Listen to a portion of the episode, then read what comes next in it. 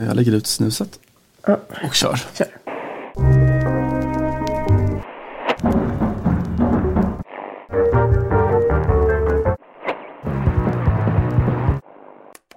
Detta har jag sagt er för att min glädje ska vara i er och er glädje bli fullkomlig. Mitt bud är detta, att ni ska älska varandra så som jag har älskat er. Ingen har större kärlek än den som ger sitt liv för sina vänner. Som du vet Johanna Frändén så var det där Johannes eh, vers 15 eller som han heter på engelska, John.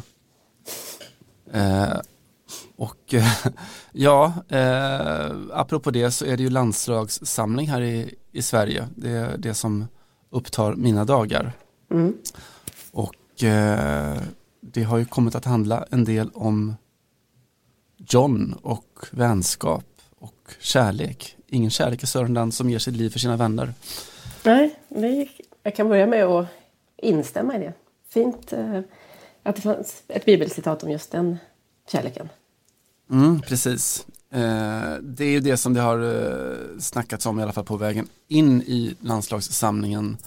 Uppgifterna från Fotbollskanalen om att eh, Victor Nilsson Lindelöfs eh, personliga skäl till att inte vara här.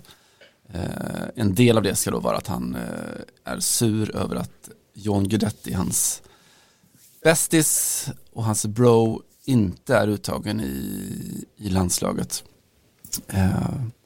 Jag vet inte hur det från din kontinentalfranska horisont har, har tagits emot. Eh, nej, det har väl inte kanske varit det absolut största samtalsämnet eh, här nere. Men eh, jag, jag har ju tänkt mycket på det i alla fall. Eh, Och jag blev lite så här bekymrad över att utgångsläget är på något sätt att är det så här så är det för jävligt. Så här kan det ju inte vara. Och så gick ju Jan Andersson mycket riktigt ut att, och, och dementerade det här.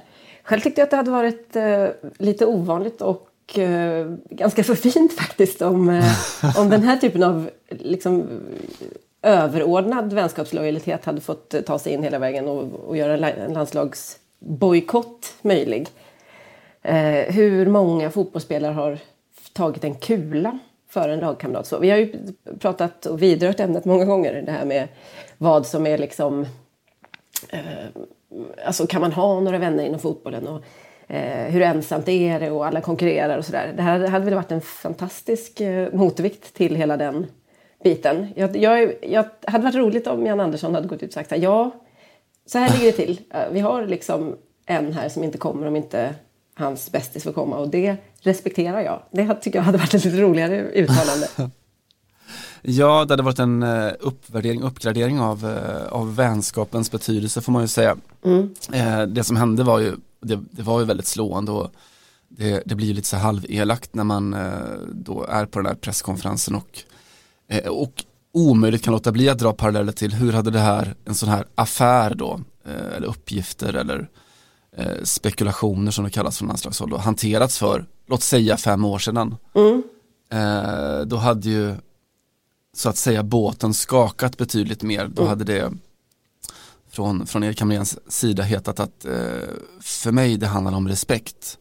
Eh, I betydelsen att journalister, media respekterar inte eh, spelarna och, eh, och förbundskaptenen som ens eh, skriver om den här sortens saker. Ja. Eh, nu pratade Jan Andersson om en, annan sorts respekt, att han har full respekt för Victor Nilsson Lindelöfs beslut och för Victor Nilsson Lindelöfs önskan om att det här skulle stanna dem emellan och bara kommuniceras ut som eh, något som handlade om eh, personliga skäl som de skrev som dem.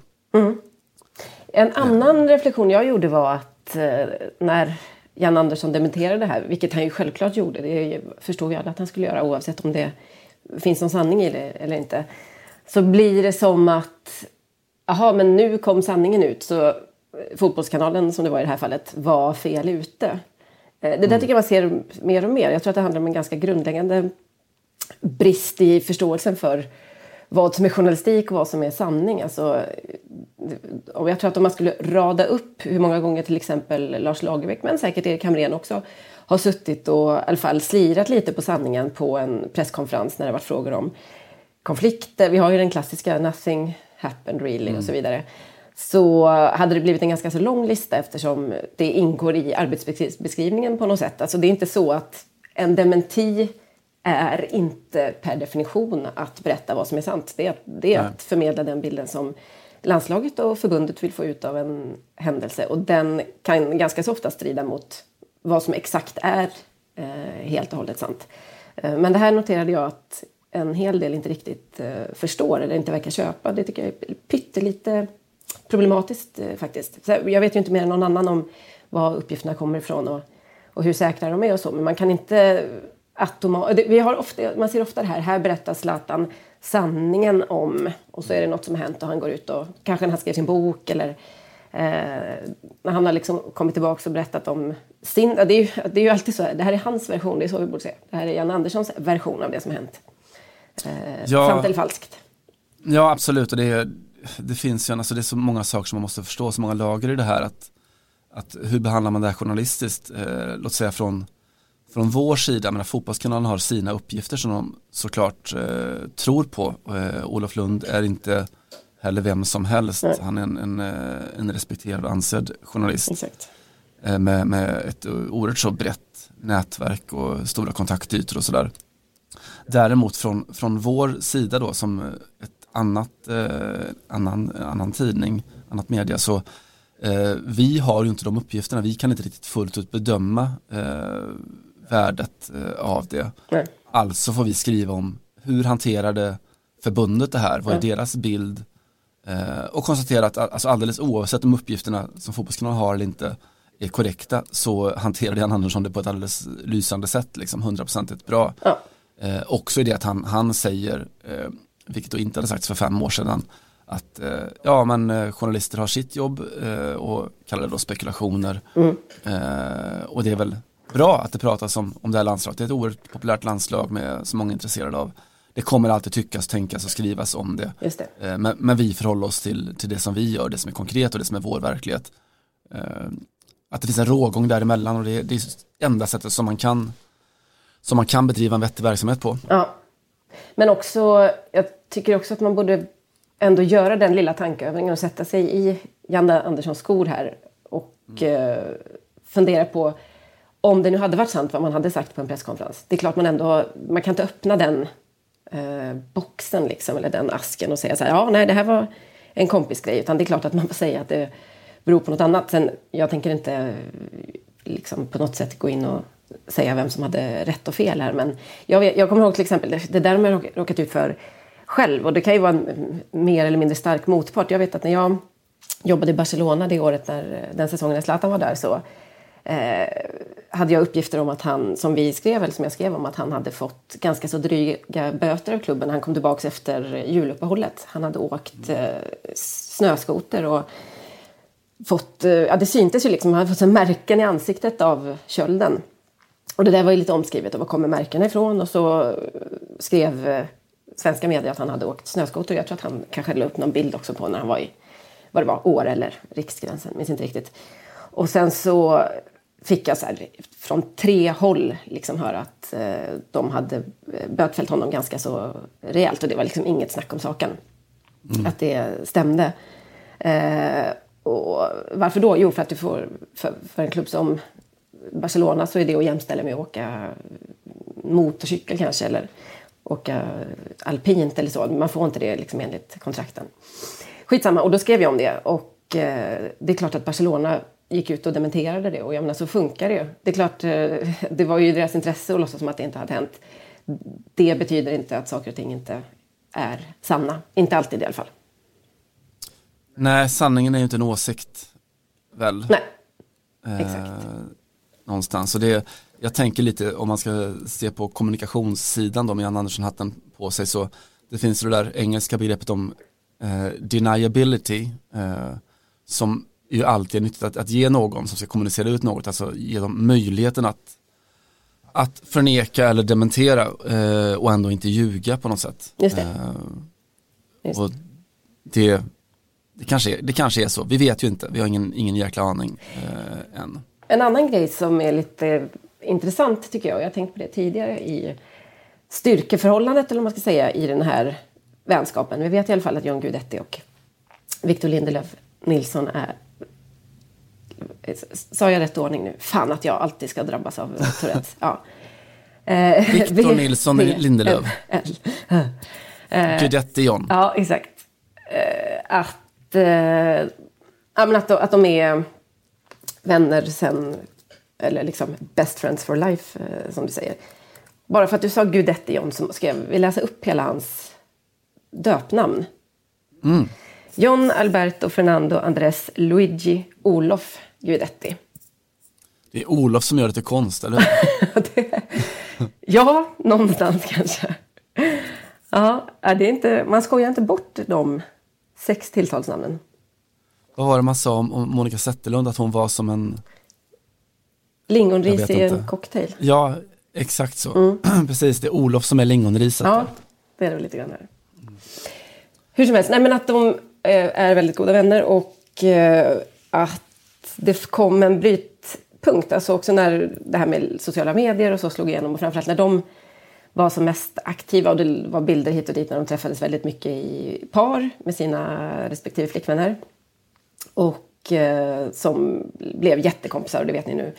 Eh, Sanna Dahlström och Maja Nilsson har ju en eh, podd ihop. Jag vet, om den, jag vet inte om den finns längre men de har i alla fall en eh, väldigt så snabbt spirande WAG-vänskap som har varit väldigt fin att följa. Skitsamma, det är ändå intressant att John Guidetti har liksom i nästan, ja i tio år är det ju nu, har ju han varit uh, the talk of the town i, inom svensk mm. fotboll. Han slog igenom som jätteung, han var liksom uh, bara, han var inte ens 20 när han arrangerade egna presskonferenser bara för att briefa lite om läget och så vidare. Han var ju en barnstjärna, han pratade om att fotboll kan rädda världen och då var han typ sådär 11 år eller någonting. Ja men, ja, men precis. Och sommarpratade som väldigt ung och sådär. Ja, det var, han var ju, precis. Och han har ju verkligen också, tycker jag, alla... Han har alla liksom eh, personlighetsdrag för att verkligen leva upp eh, till det här. Och eh, ja, men någonstans där 2015 då när Sverige vann där U21-guldet i Portugal så var ju på något sätt då hade ju Viktor kommit in i laget som reserv och så gjorde han ju en fantastisk turnering. Men det var ju, det var ju John Guidettis turnering, det var hans landslag, det var honom det skrevs sånger om och så vidare. Och sen så har ju verkligen pendeln svängt där. Alltså han har fryst fast på diverse bänkar runt om i La Liga. Eh, Viktor har gjort den, eh, den helt motsatta resan och blivit en världsback i Manchester United. Och någonstans så har de ju verkligen bytt plats med varandra. Och det jag tycker är lite intressant ur det perspektivet att tänka på vad som händer med en vänskap och med styrkeförhållandena och med eh, ja, vad man har för plats eh, helt enkelt hos, hos varandra och i offentligheten. Ja, det var inte lätt för mig när du, när du blev uh, den stora journaliststjärnan om man säger så. när jag var med På spåret och sådär. ja, nej, det, det kändes ju illa. ja, exakt. Precis, så vi, vi vet ju exakt vad det här handlar om. Det började med att jag skrev så här brev till dig när jag gick på Journalisthögskolan. Och, och här sitter vi nu. Jag poddar liksom lite för att göra en insats mer än någonting annat. För att du också ska få, lite, få synas lite grann Simon. Ja, det, det gläder mig. Mm. Eh, det finns ju också, för så är det ju såklart, alltså John Guidetti blev en eh, sådär ligacupspelare med Manchester City, om man ska hårdra det. Och eh, Victor Nilsson Lindelöf en startspelare och uh, nyckelspelare i Manchester United. Uh, den skillnaden där är stor såklart.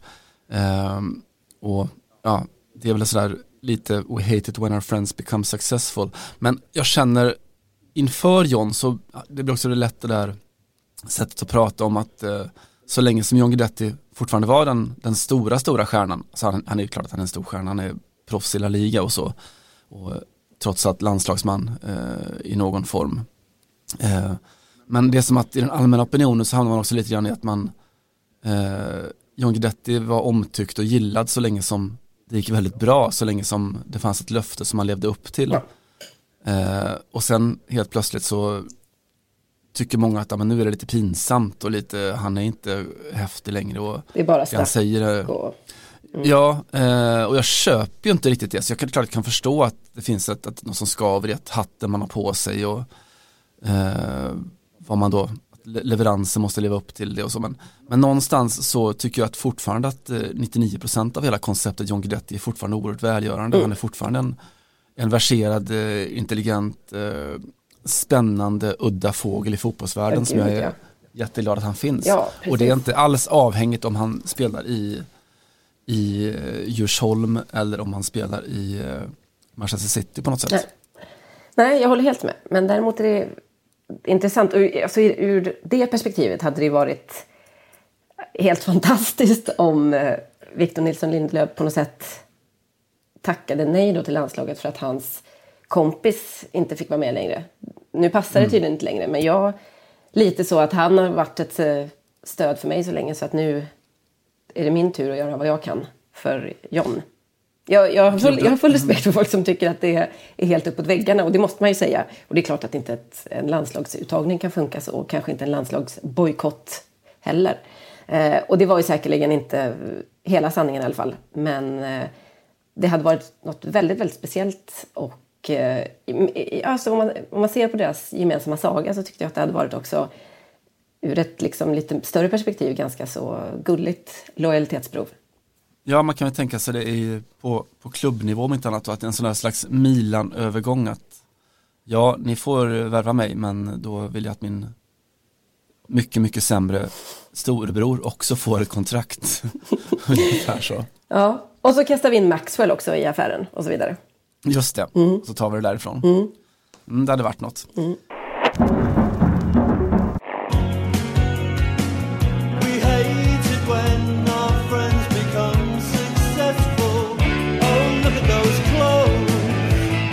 vi kommer väl inte undan det va, den här veckan heller, eller gör vi det? Kan vi, kan vi liksom välja bort och prata om det där som vi nästan alltid pratar om, alltså det här med Cristianos kuk?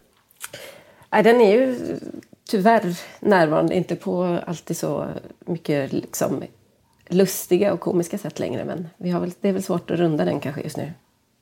Ja, man hamnar ju där. Eh, ni är alla bekanta säkert med, med det som hänt sen senast, eh, det tudelade då att å ena sidan har Cristiano Ronaldo visat hela sin eh, magiska fotbollskonst när han då tog upp eh, hela Juventus på axlarna och sprang rakt över Atletico Madrid, eh, gjorde hattrick och tog dem till kvartsfinal i Champions League. En sån där totalt besjälad, besatt eh, fotbollskväll där man ser att en spelare bara inte, inte är färdig förrän han har tagit hela vägen. Ohio!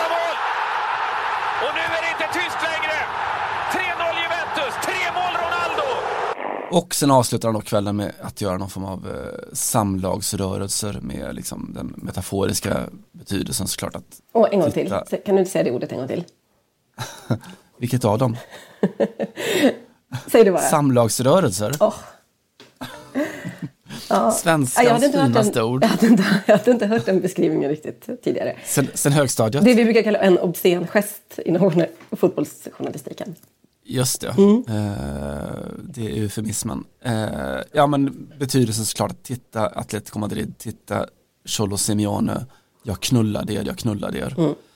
Eh, och det tyckte han var, var lämpligt.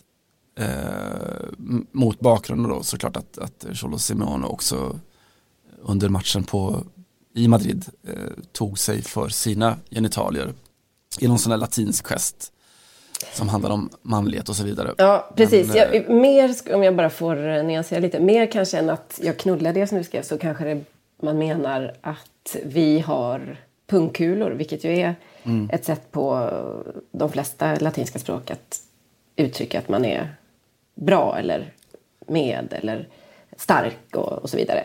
Eh, ja, glidningen finns väl där mellan Simeones gest betyder definitivt det mm. utan någon som helst tvekan. Ronaldos är ju lite mer uh, utåtagerande så att säga. Mm. Kolla min kuk är det ju lite mer när han gör det. Ja, precis. Uh, Alla försöker glömma den Ronaldo. Hela jävla Europa försöker ju bara, journalist-Europa försöker ju sopa detta under mattan. Märker du inte det? Du behöver ju inte så att säga ge oss ännu ett skäl att tänka på den. Nej, verkligen så. Och det är, alltså, det är väl någon sorts, alltså om, eh, om själva matchen och insatsen där är ett, eh, det totala beviset på någon form av positivt psykopatskap Eh, han gör ju det som inte ska gå liksom. Eh, och är, som jag sa, helt, helt besatt, helt galen i sin, i sin konst. Och sen så kommer då den här andra sidan av, alltså du är, du är ju per definitionen en, oerhört, oerhört märklig eh, sjuk människa med, mot bakgrunden med, med våldtäktsanklagelserna. Eh, att tycka att det är just då, där och då den, den lämpligaste gesten att återigen dra fokus till, eh, till sina könsdelar. Mm. Eh, och ja, vi har pratat väldigt mycket om, om, eh, om våldtäktsanklagelserna. Vi har förklarat eh, varför de är, är värda att ta på så oerhört stort allvar och eh, också varit ganska konkreta kring, kring eh, hur ja, hela bakgrunden med, med Football League som med dokument och med hans eget eh, vittnesmål som eh, han har dementerat utan att eh, på något sätt försöka ta det till, till rätten eh, och ta det den vägen. Eh, det som är, eller du kanske kan dra lite mer, vad, vad har egentligen hänt sen, sen sist? Alltså var, var befinner sig hela våldtäkts Mallorca-historien just nu? Alltså den befinner sig ju i någon sorts rättsligt limbo eftersom hennes stämningsansökan då mot eh, Ronaldo inte, eh, re, alltså helt rent fysiskt inte hittar fram. För att eh, enligt eh, den här lagen att man ska kunna bli delgiven då, being served som det heter, som ni har säkert sett i amerikanska komedier och så vidare. Att man måste lämna över en, eh, rent fysiskt se till att eh, personen i fråga får eh, ta del av, av den här stämningsansökan som det är i hennes fall har ju inte lyckats eftersom ingen har varit behjälplig för att få tag på Ronaldo. Alltså inte, eh, ja, inte klubben, inte han själv då, inte hans eh, försvarare. Faktum är att de har till och med...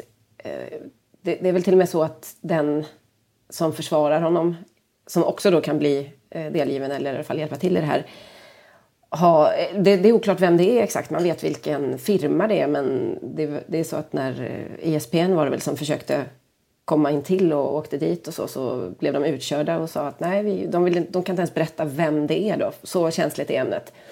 För att de inte ska få möjlighet att, att lämna över stämningsansökan. Och då kan ingenting hända. Och nu har de ansökt om eh, respit och det var 120 dagar som det där måste ske på eller vad det var. Och det har de inte lyckats med men det, det, är ju ett, eh, alltså det är en sån enorm apparat kring Ronaldo där alla hjälper honom eller försvårar den, det lagliga eller det juridiska arbetet. Där någon, det var ju någon som uttalade sig och sa att i, i Turin så behandlar man ju de här fotbollsstjärnorna som kungligheter. Det går inte. Och det här är det ultimata beviset på vad det innebär att ha väldigt mycket makt i samhället.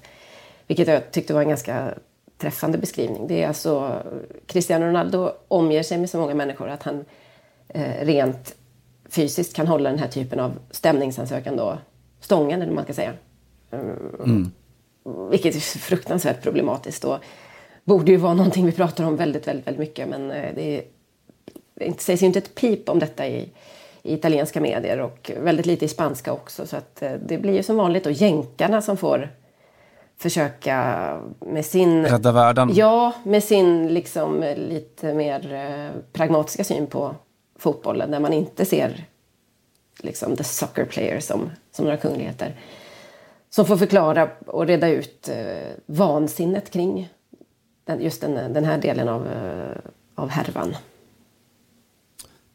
Ja, och det, alltså man ställs ju inför en viss sorts problem. Jag skrev ju om den här matchen eh, med känslan att det, går inte att skriva om det går inte att skriva om matchen utan att skriva om, om Cristiano Ronaldos oerhörda Hercules eh, i den. Det går inte att skriva om Cristiano Ronaldo utan att tala om att jag faktiskt har svårt att se på honom nu för tiden mm. mot bakgrund av, eh, av våldtäktsanklagelserna. Eh, och det går inte heller att se honom utan att lyfta frågan om eh, ja, fotbollsvärldens då väldigt färska parallell till den som kulturvärlden har då brottats med väldigt, väldigt länge men som också aktualiserats nu med Michael Jackson och R. Kelly-dokumentärerna, det vill säga går det att hålla isär konstverk och konstnär, alltså om, om konstnären är ett svin men konsten är fantastisk eh, kan man fortfarande då titta på konsten eller konsumera konsten och så vidare. Mm. Eh, och det är ju någonstans, alltså min grundhållning och den, det är väl en, på väldigt många sätt den vedertagna eh, grundhållningen att ja, men det måste man kunna. Du kan inte liksom göra en, sitta med någon sorts tumstock och mäta den etiska halten hos varje eh, hos varje kompositör eller, eller konstnär eller musiker eller vad det kan vara. Eh, för att konsten kan vara helt fantastisk ändå och den har sitt eget värde.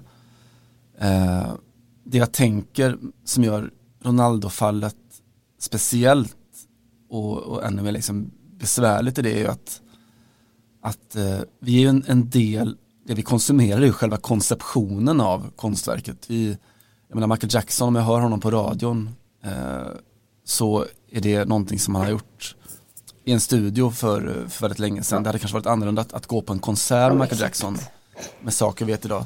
Men det jag ser, eh, jag ser Ronaldo i realtid. Ja. Liksom jag betalar min biljett och sitter där och tittar när han när han lyfts upp som världens eh, största fotbollshjälte. Det är, alltså det är exakt, ja, det är exakt det det handlar om. Jag, alltså jag tycker nästan den frågan är lite felställd faktiskt i det här fallet.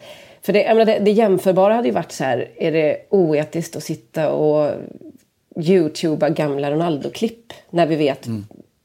säg att han skulle fällas då för våldtäkt. Det är ju det enda jämförbara med kan man lyssna på Michael Jackson. Nej, det är klart att det inte är. Eh, han är en del av eh, Real Madrids historia, han är eh, en del av Manchester Uniteds historia när de tog sin senaste mm, Champions League-titel och så vidare och så vidare. Problemet är precis som du säger, ingen skulle ju i nuläget betala för att se R. Kelly på liksom live. Alltså han skulle aldrig ens komma på tanken att ge sig ut på en turné. Och skulle han göra det kanske han inte skulle göra samlagsrörelser. Nej, alltså, eller så hade han kanske gjort det just han då. För jag tror mm. att de, det är kanske lite samma typ av eh, ja. egon här. Eller vad ska man säga? Alltså den, den typen av eh, syn man har på sig själv. Men det handlar ju också, det, det, då lyfter vi på nästa eh, lock. Och då när man diskuterar vad de har för syn på sig själva och vilka det är som möjliggör det här. Och det är ju att man har ett entourage då av 50, 100, 500 pers plus hela världen som någonstans har känt till det här och i, i, i R. Kellys fall så har det ju varit eh, känt mer eller mindre ganska länge. Det, var, det här var absolut inte första gången anklagelserna kom upp även om de aldrig varit så här grova då. Eh, och i Ronaldos fall så har ju det här hängt med sedan två års tid ungefär.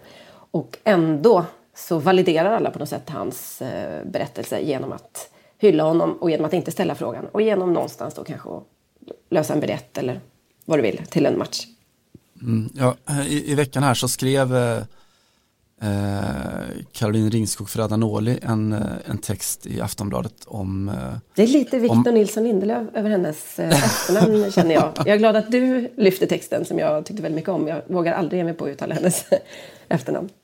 Ja, det är lite samma sak där. Jag vet vad hon heter, men jag kallar henne Carro. Mm.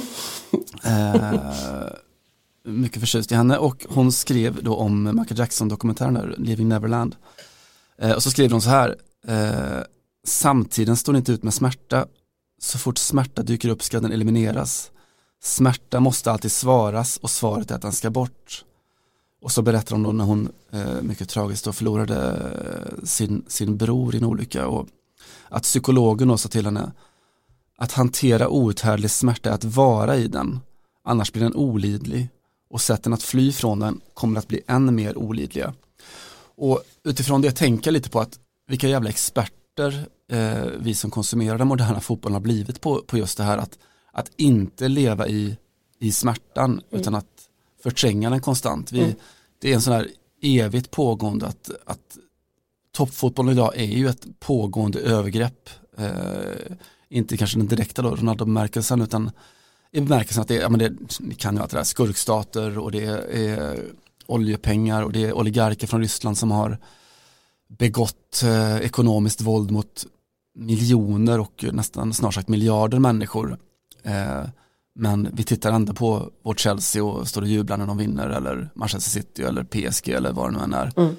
Eh, så det som den, den nya fotbollen, toppfotbollen, Champions League-fotbollen är, är ju en sån här konstant pågående, den där processen, ni vet att man eh, vi äter korven och ingen låtsas om eh, hur den har blivit till. Eh, och Ronaldo är bara en parallell till det. ja. den exakta parallellen till det. Ja, så han är ju bara, han är verkligen ett symptom på en, på en sjukdom som, som sportjournalistiken lider av mer tycker jag än någon annan journalistik. Alltså pratar man om näringslivstoppar eller pratar man om skurkstater kanske i en annan bemärkelse, alltså när det handlar om stora fördrag eller handelsavtal eller vad du vill, så skrivs ju inte en enda artikel utan att nämna eh, varför Saudiarabien är ett eh, komplicerat land att ha, eh, bedriva handel med, till exempel, eller vad mm. du vill, Iran och så vidare. Då, alltså det tas upp varenda gång. Det är egentligen utgångspunkten för allt sånt. Det är aldrig någon som skulle sitta och säga vilket fantastiskt avtal um, de har fått ihop här. Nu måste vi hylla dem för den enorma förhandlingsinsatsen som gjordes från, ja inte vet jag, den svenska delegationen eller någonting. Utan utgångsläget är alltid att man problematiserar eh, det här landet då, eller hela fenomenet. Men eh, så är det inte riktigt med Ronaldo. Intressant dagsaktuell händelse apropå just det med Saudi är att eh, att, eh, ni känner till att den italienska fotbollen har ju öppnat sina pipelines till, till Saudiarabien och spelat matcher och där supercupfinal och, och allt vad det eh, och fått viss kritik kring det men inte värre än att de kunde genomföra matchen och sådär. Eh, I dagarna så eh, fattade ju La Scala, alltså operans San Siro som man brukar säga,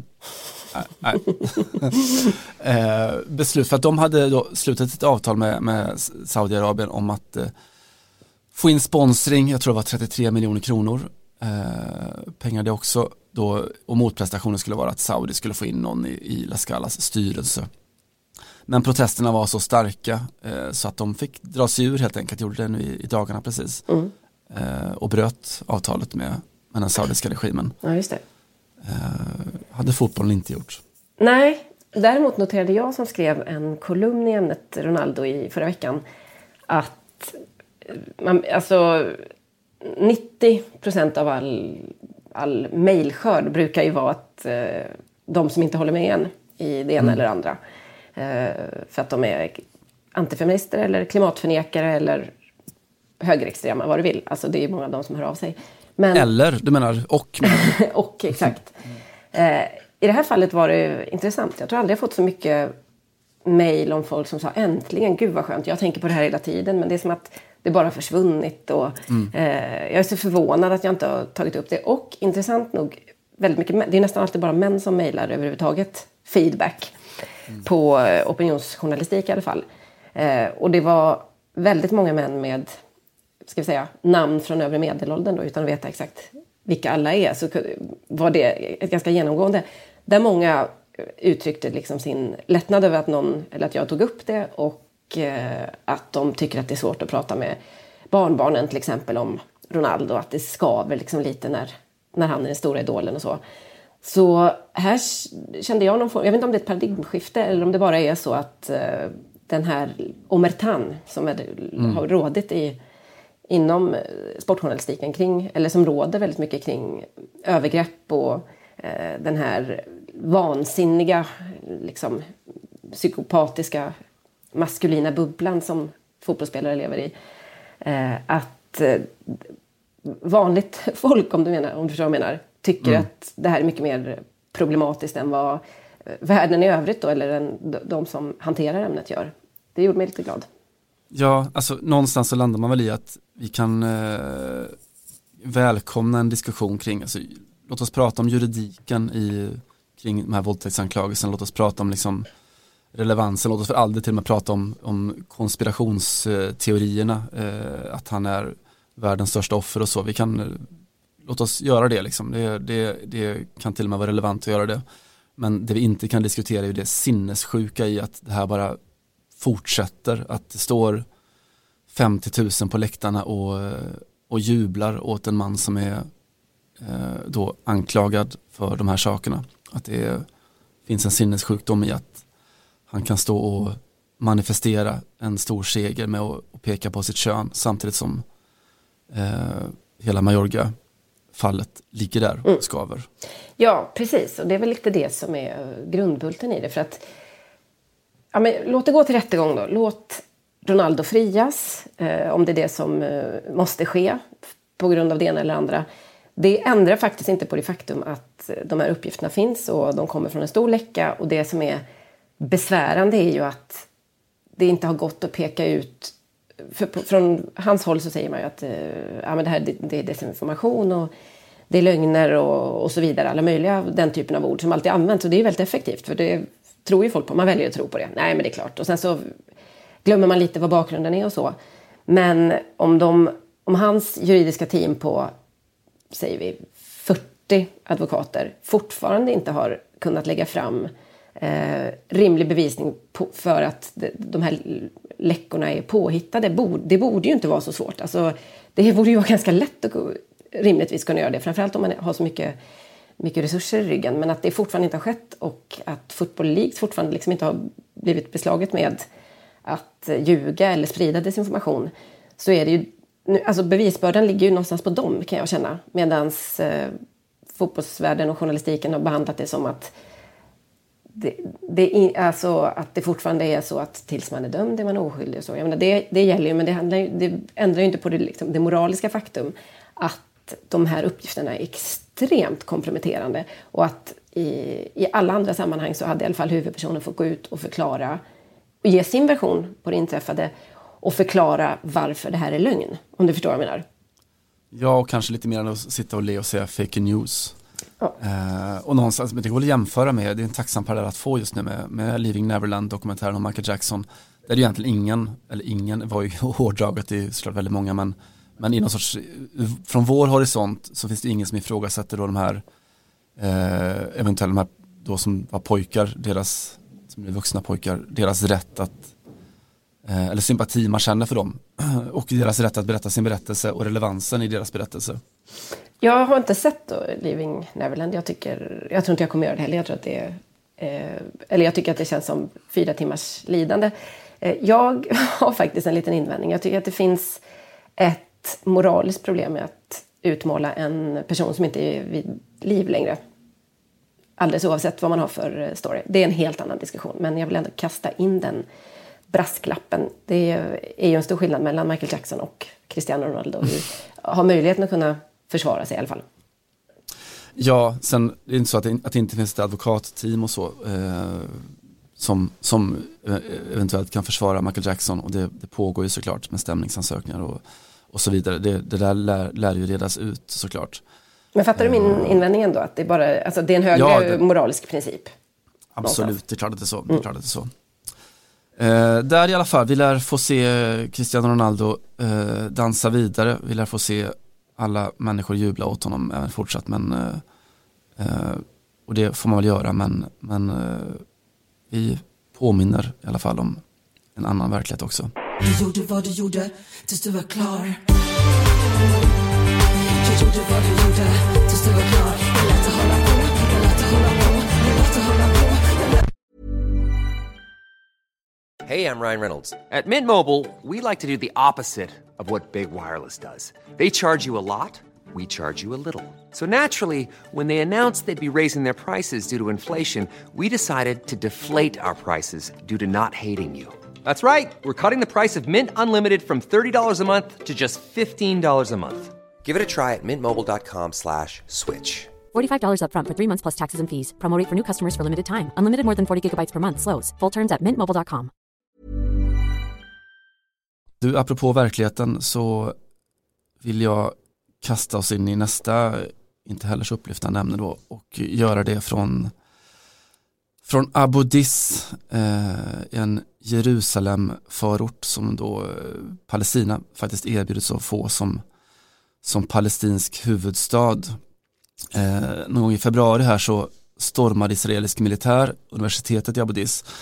Eh, det har hänt ett flertal gånger förut, eh, sprutade tårgas och ett 17-tal studenter rapporterades skadade.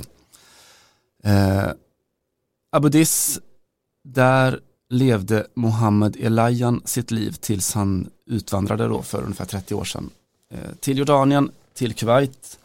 Han fick en son när han bodde i Kuwait. Eh, sonen döptes till Atta.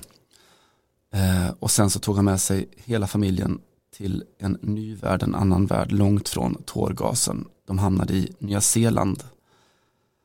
Mohammed Elayan var därmed då grundade en moské i Riccarton heter det, en förort till Christchurch. Eh, och där har då hans familj bott de senaste 25 åren. Atta, den lilla sonen då, eh, utbildade sig i datavetenskap vid universitetet i Canterbury och blev så småningom en av Nya Zeelands allra främsta unga entreprenörer. Han har sådana här företag som eh, gör appar, eh, fått flera priser och hyllats och en av universitetets stora söner. Utöver det så spelade han också fotboll en hel massa. Han eh, var målvakt i Nya Zeelands futsallandslag och utsågs till eh, Nya Zeelands bästa futsalspelare 2014. Han, han blir 33 år och hade då sitt företag men fortsatte fortfarande då träna ungdomar på sin gamla skola i futsal. Fick en fru, Eh, för två år sedan fick de en dotter och här i förra veckan så höll han på att förbereda det här eh, ungdomslaget för att, pojklaget för att leda dem i, i Nya Zeeländska mästerskapen i futsal som började i, ja, igår när vi spelade in där och i, i måndags i, i Wellington. Och i fredags så gick då Atalayan till eh, den här moskén som hans pappa eh, var med och byggde för att vara med under fredagsbönen och då förstår ni vart jag vill komma någonstans. Det var så där som eh, Atta sköts ihjäl under det här terrorattentatet.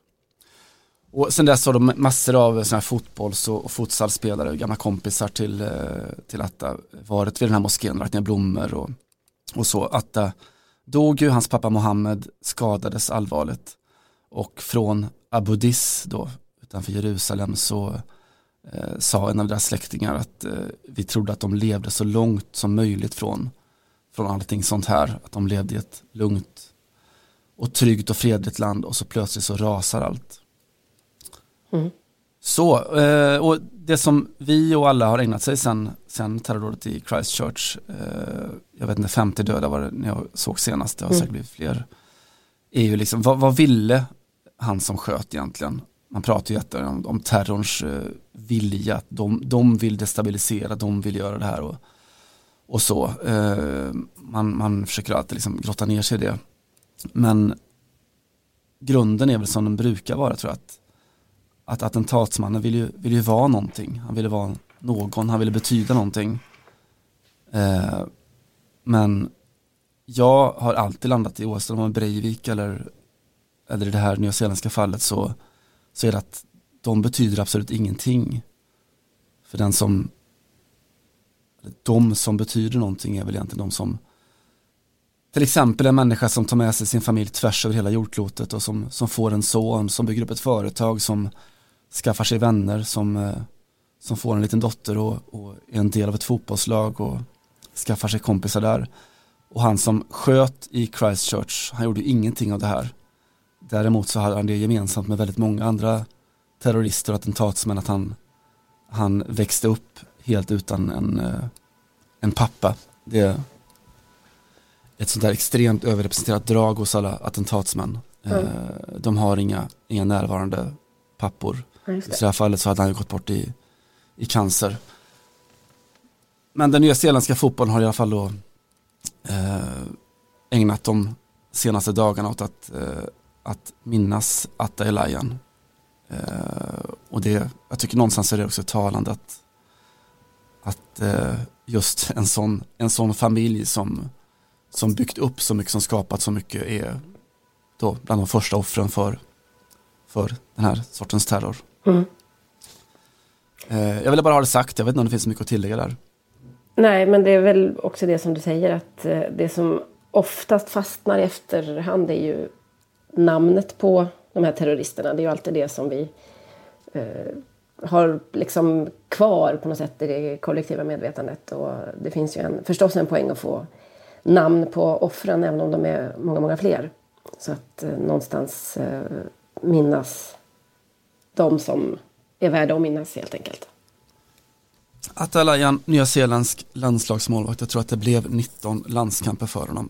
Eh, minns av oerhört, minns av oerhört många såklart och inte minst då hans adepter. Han hade såklart inte tid eh, mitt i sitt företagande att, eh, att ta sig tillbaka till sin gamla skola och fostra en ny generation futsalspelare, men han gjorde det ändå. Eh, och han kommer aldrig kunna göra det igen. Så nu får du fan ta jobbet och lyfta upp oss lite. Ska vi gå på lite damfotboll? Det tycker jag. Mm.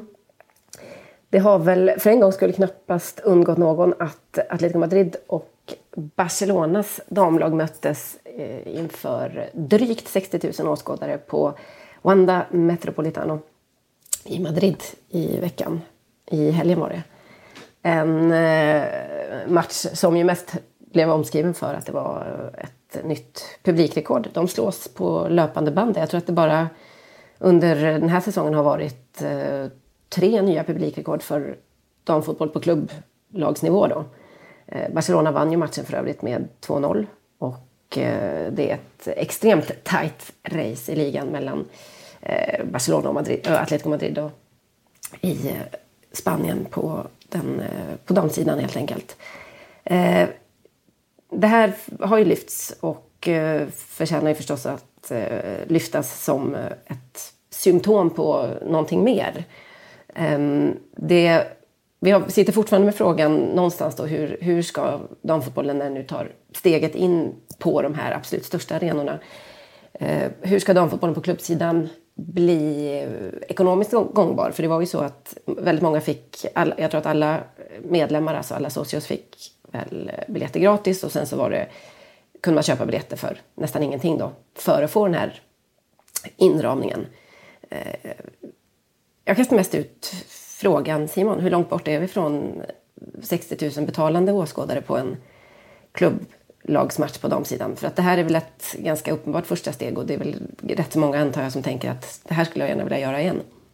Mm, jag tror att, att eh, ja, 60 000, de måste bygga arenor och så, men, men låt säga då 50 000 mm. eh, eller 40 000 eller 30 000. Ja, fulla arenor kan vi väl bara säga. Fulla hus, mm. eh, lapp på luckan mm. eh, och så. Kanske inte så långt bort som vi tror. Alltså, en stor del av förklaringen såklart i, i Spanien är att det, det är inte bara 11 mot 11 kvinnliga fotbollsspelare utan det är också varumärken och klubbmärken som, som klaschar in och krockar med varandra. Mm. Eh, där är en stor del av, eh, av eh, attraktionskraften naturligtvis. Och i Sverige så verkar ju flera herrföreningar nu ha förstått då, de här stora, att det finns ju, utöver att det finns någon slags nästan moralisk incitament för att ha, ha fotboll även för, för kvinnor i sin verksamhet så, så tror jag också att man insett att det finns eh, faktiskt pengar att, att göra här. Mm. Eh, kanske inte idag men på sikt finns det definitivt det. Mm.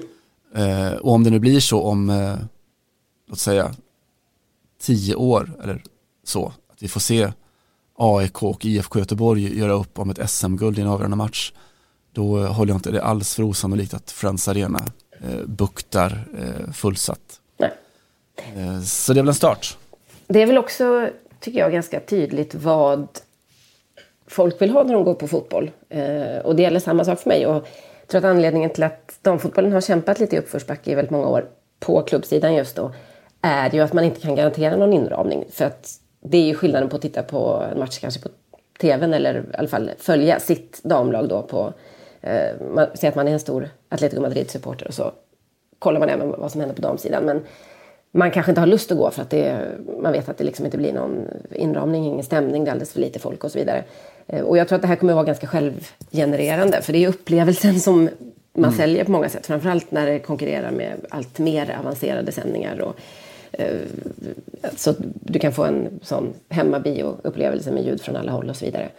Eh, och jag tror att absolut att det här är helt rätt väg att gå. Och det är inte så svårt att se på, på landslagssidan vad som håller på att hända. Jag menar, på, i, inför VM i sommar i Frankrike så sålde ju finalbiljetterna ut väldigt snabbt. Och, alltså de, de, de har ju hänt någonting där, där man ser att, eh, att folk, och framförallt väldigt mycket amerikaner, är, är liksom sugna på att ta sig hela vägen över Atlanten och, och heja fram sitt lag och att det inte är några konstigheter längre på något sätt. Ja, och det, alltså, det handlar om, alltså, folk lockar ju folk ja, som bekant. Och det, herregud, alltså, vi som har vuxit upp i, ute i, i spenaten, både du och jag vet ju att, jag menar i, hemma i, i Kina med 10 000 invånare så man gick ju på basket på vintrarna eh, när Marbo spelade elitserien, eller till och med kvarade upp till elitserien. Och det gjorde de inte för att det var bra bra basket eller bra idrott. Man gick ju dit för att det var dit man gick. Ja. För att det var folk där, man kunde titta på tjejerna i klassen eller, eller vad det nu var. Det var, eh, det var, var grunden, att det var det som hände och det var det man ville se, det var där man skulle vara. Ja. Ungefär så. Ja men precis. Ja men det är ju alltid någonstans bevekelsegrunden. Det är därför allsvenskan till exempel kan ha så pass mm. gott rykte eller så stor publiktillströmning. Det, det förstår ju egentligen vem som helst att det handlar ju om det lokala och det handlar om att det finns en lojalitet och en känsla av att det här är min klubb och så vidare. Vilket ju också är givetvis anledningen till att de här damlagen som hör till större klubbar som redan är stora namn, som du säger, eh, börjar locka så här mycket folk. Mm. Jag vet att i, det var väl så att Mexiko hade rekordet eh, innan där precis i en klubbmatch. Gignac-effekten ja. Exakt. Nej men det var, det var, det höll sig också bara i några veckor eller ett par månader vad det var, någonting sånt. Men jag pratade med en, en mexikansk journalist, eller en skotsk journalist bosatt i Mexiko om vi ska vara petiga. Vem, vem av dem? Precis. Och eh, om just detta för länge sedan när jag såg att det hade varit någon sån jättepubliktillströmning då på en, på en eh, dammatch där. Mexiko är inte ens kvalificerade för fotbolls-VM i sommar så att det är inte någon liksom, världsnivå fotboll att, att prata om i alla fall när det kommer till landet som sådant. Och då sa han att i, under ligalunken så är det inte så speciellt mycket intresse kring det där. Men när det kommer till playoff, som de ju har på eh, ja, mycket i Nord och Mellanamerika, så blir det ett jävla drag. För då blir det helt plötsligt ska min klubb åka ur och då, då blir det en annan dynamik kring det och då vill alla mm. gå och så blir det den här liksom fantastiska folkfesten och rivaliteten och, och allt det där. Um, och det är också tycker jag intressant att se för det, det känns som att vi i Sverige har vi, vi men damfotbollen då på klubbnivå slitit i 20 år. Man har tänkt att ja, nu kommer det nog ett break och ja, nu kanske och så. Um, och det har inte riktigt gjort det. Men medan man kan se att i andra länder så går det liksom i överljudshastighet utvecklingen. Och det kommer komma det kommer ju såklart komma liksom ehm, backlashes och det kommer hända det här, det här kommer inte vara kanske normaltillstånd på många år än. Men det är ändå intressant att se hur snabbt det kan gå när man bara helt enkelt bestämmer sig för det. Lite faktiskt som fotbollförbundet har gjort i Sverige kring eh, den här träningsmatchen mot Tyskland som Sverige ska spela innan, mm. inför VM. Man bara säger så här, men vet ni vad, nu, nu slår vi ett publikrekord, ska vi inte göra det? Då blir det roligt, då känner folk sig, ja det är klart vi ska göra det. Eh, alla till Friends. Exakt så. Eh, och sen så var det lite att i allt prat om publikrekordet i, i Spanien, i Madrid, så, så drunknade lite själva, själva matchen. Eh, det gick inte att se matchen i, i, Sverige, eller i alla fall inte på någon, någon stream som jag hittade, men eh, jag kikade på sina highlights-paket ja, från den och så. Och det var ju lätt att fastna för eh, Aziz Oshoala, eh, gamla Liverpool-Arsenal forwarden från Nigeria eh, som egentligen var inblandad i precis allting som, som Barcelona hade. Mm. Hon har ju tagit den här vägen från, eh, från Premier League till eh, Dalian Quanshan, tror jag det heter, Kina. Eh, och sen då utlånat till Barcelona. Lite Paulinho-vägen om man eh, kommer sig ihåg. eh, hon är ju, har ju varit bäst i Afrika ett, ett par år här på slutet. Eh, hennes bakgrundshistoria tycker jag är, är lite fin. Eh, hon växte upp i Lagos i Nigeria, Eh, i Ikorodu tror jag det heter, en del av Lagos. Som då mest är känd för massa gängvåld och sån här kultkrig och sånt. Eh, och valde att hoppa av skolan för att satsa på sin fotboll till då sina föräldrars oerhörda ilska. De tyckte att det där var hade, hade hon varit en kille så visst då hade det funnits möjligheter men, men för en tonårig tjej i Lagos att skippa studierna för att satsa på sin fotboll det var inte liksom den genvägen till ett lyckat liv eh, på något sätt. Men hon gjorde i alla fall det, eh, blev Afrikas bästa spelare, kom till Premier League, kom till Kina, kom till Barcelona och avgjorde sådana här stora publikmatcher. Och i vintras här, i höstas, så köpte hon ett jättefint tvåvåningshus till sina föräldrar hemma i Lagos. Mm. Det är väl fint? Ja, det är underbart. Vet du vad hon har för smeknamn? Ge mig det. Sedorf. Just det. Mm. ja, man kan ha synpunkter på att de ska ha smeknamn kanske efter manliga storspelare. Men jag tyckte det var lite kul. Det var lite roligt att titta på henne också och se att det kanske fanns eh, en poäng just med det. Fotbollny radikal. Vi har ju haft ett eh, inslag med väldigt ojämna mellanrum i eh, podden Namn och nytt. Jag känner att jag behöver berätta lite vad som har hänt på Namn och nytt-fronten i Frankrike. Det har ju för övrigt eh, spelats Champions League-fotboll här också och det har åkts ut på, eh, både i Paris och i Lyon. Det känner ni antagligen till. Eh, för övrigt var det intressant att se tyckte jag i helgen när PSG spelade klassikot mot Marseille. Då strejk... jag vet att du stängde av där efter ett tag. ja, men då strejkade ju ehm, ena kurvan och töjkurvan. De, är fortfarande, de har inte kommit över den här förlusten så de var inte med första kvarten på matchen. Och sen kom de in och eh, hade banderoller om att eh, vi har inte glömt och eh, ja, var det respekten för oss och så vidare. Och så så det, det, kan vara tufft att vara PSG-spelare även när man slår Marseille då. Eh, Kylian Mbappé gjorde två väldigt ovanliga saker i den här matchen. Först, ja, han gjorde mål då, det var kanske den mer vanliga saken, och ställde sig och bara tittade på kurvan lite utmanande så här. Vad, ser ni vad ni håller på med liksom? På ett pytteligt ocharmigt sätt eh, kan jag känna. Det är väl fortfarande så att man ska mm. vara ödmjuk inför det faktum att ens eh, supportrar inte har glömt. Eh, framförallt när det bara har gått en, en vecka lite drygt. Men så gjorde han i alla fall. Okej, okay, eh, Kylian Mbappé har blivit vuxen möjligtvis. Eh, sen så tog han den straff som PSG tilldömdes precis i slutet av matchen. Fast matchen var Angel Di Marias. Det var Di Maria som hade assisterat honom till det första målet och sen gjort två fantastiska efter det. Och man såg att det var, alla var inte överens om att det var helt rätt att Mbappé skulle ta straffen. Men han gjorde det, bommade, eller brände den. Och eh, det var väl andra gången då han var oskärmig på 90 minuter och och eh, andra gången för i livet antagligen överhuvudtaget som detta skedde. Jag vet att jag har sagt tidigare att eh, det kan vara en fråga om månader efter VM-guldet i somras eh, innan Mbappé blir lite som de andra, liksom, att man börjar tycka att ah, och så. Och jag undrar om den stunden kanske är kommen. Namn och nytt handlar egentligen om något annat. Det var ett, det handlar om nyheten att ett franskt par har ju ansökt om att få döpa sin son till Griezmann Mbappé. Och det här har varit en het potatis eh, i Frankrike sedan dess. I veckan så fick de avslag. Så namn, ja, i, i, namn men inget nytt på namnfronten. Man får fortfarande inte göra sånt då i Frankrike. Fasciststat. Mm, verkligen repressivt. Mm. Men vi kan ju inte utesluta heller att eh, Atletico Madrids och PSGs eh, debacle i Champions League har spelat in här när man har fattat beslutet. Det kan ju hända att de tvekade ganska länge och så.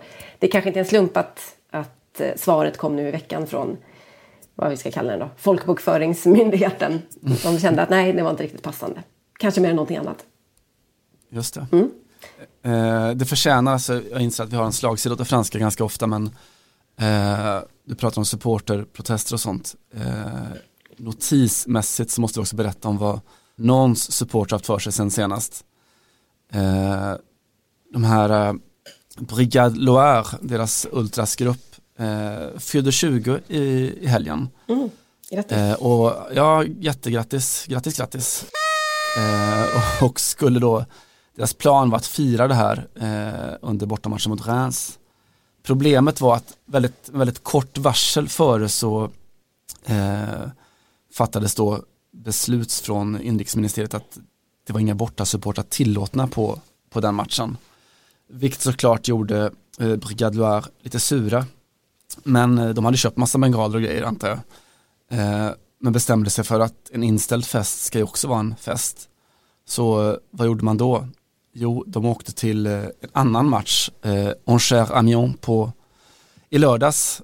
Eh, stormar in på en av bortaläktarna där, eh, skickar in ett gäng bengaler på planen och håller upp eh, banderoller där det står dels då att vi är 20 år nu eh, och vi gör det fortfarande förbannade. Eh, och också, vem ska betala de här böterna? Mm. Brigade Loire mm, eh, som verkar under sin slogan Still crazy after all these years. ja. Ja. Vi är motståndare till att kasta in bengaler men ska man göra det så ska man göra det på en, på en annan match, det tycker jag. Absolut. Gud vilket bra tips till framtida och nu samtida huliganer. Exakt, ska ni göra det så gör det med humor, ungefär så. Eh, profilstarkt eh, och eh, eller ja, jag försökte bara få till en övergång där, förlåt för det. Men eh, veck, ve, veckans profil då, vem, vem är det? Eh, jo, jag skulle faktiskt vilja gratulera en nybliven 41-åring. Eh, det är inte vem som helst, det är Mirailes Maciel Mota, mer känd som Formiga. Mm. En av eh, Brasiliens och fotbollsvärldens eh, mest profilstarka damstjärnor. Fyllde som sagt 41 här i mars. Förhandlar om ett nytt kontrakt med PSG. Hoppas hålla över OS 2020. Jag tror inte man behöver säga så mycket mer än grattis Formiga, vi älskar att du finns. Ja, gud. Cool ändå. Alltså att eh. nu är hon fortfarande väldigt många år äldre än mig eh, och är aktiv fotbollsspelare. Jag kan inte nog poängtera hur mycket sånt betyder. Nej, det ger, ger hopp åt alla oss andra 41-åringar. eh, tack för skratt. Ja, ska vi lägga lite kultur på eh, poddens avslutning? Mm, som vi ska. Eh, och eh, vi tar den lilla profilingången i det också. Eh, Hector Berin, eh, vår favoritspelare i Arsenal, i väldigt hård konkurrens, eh, har ju eh, begått media i veckan. Han är ju skadad, knäskadad och har gott om tid kan man tänka sig. Nyopererad, eller hur?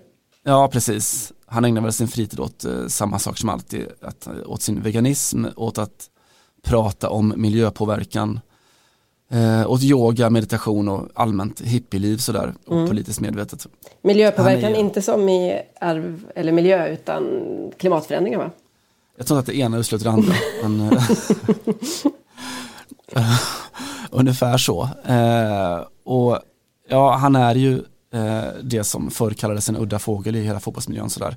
Han har alltså i veckan då varit eh, uppslagspojke i brittiska Vogue.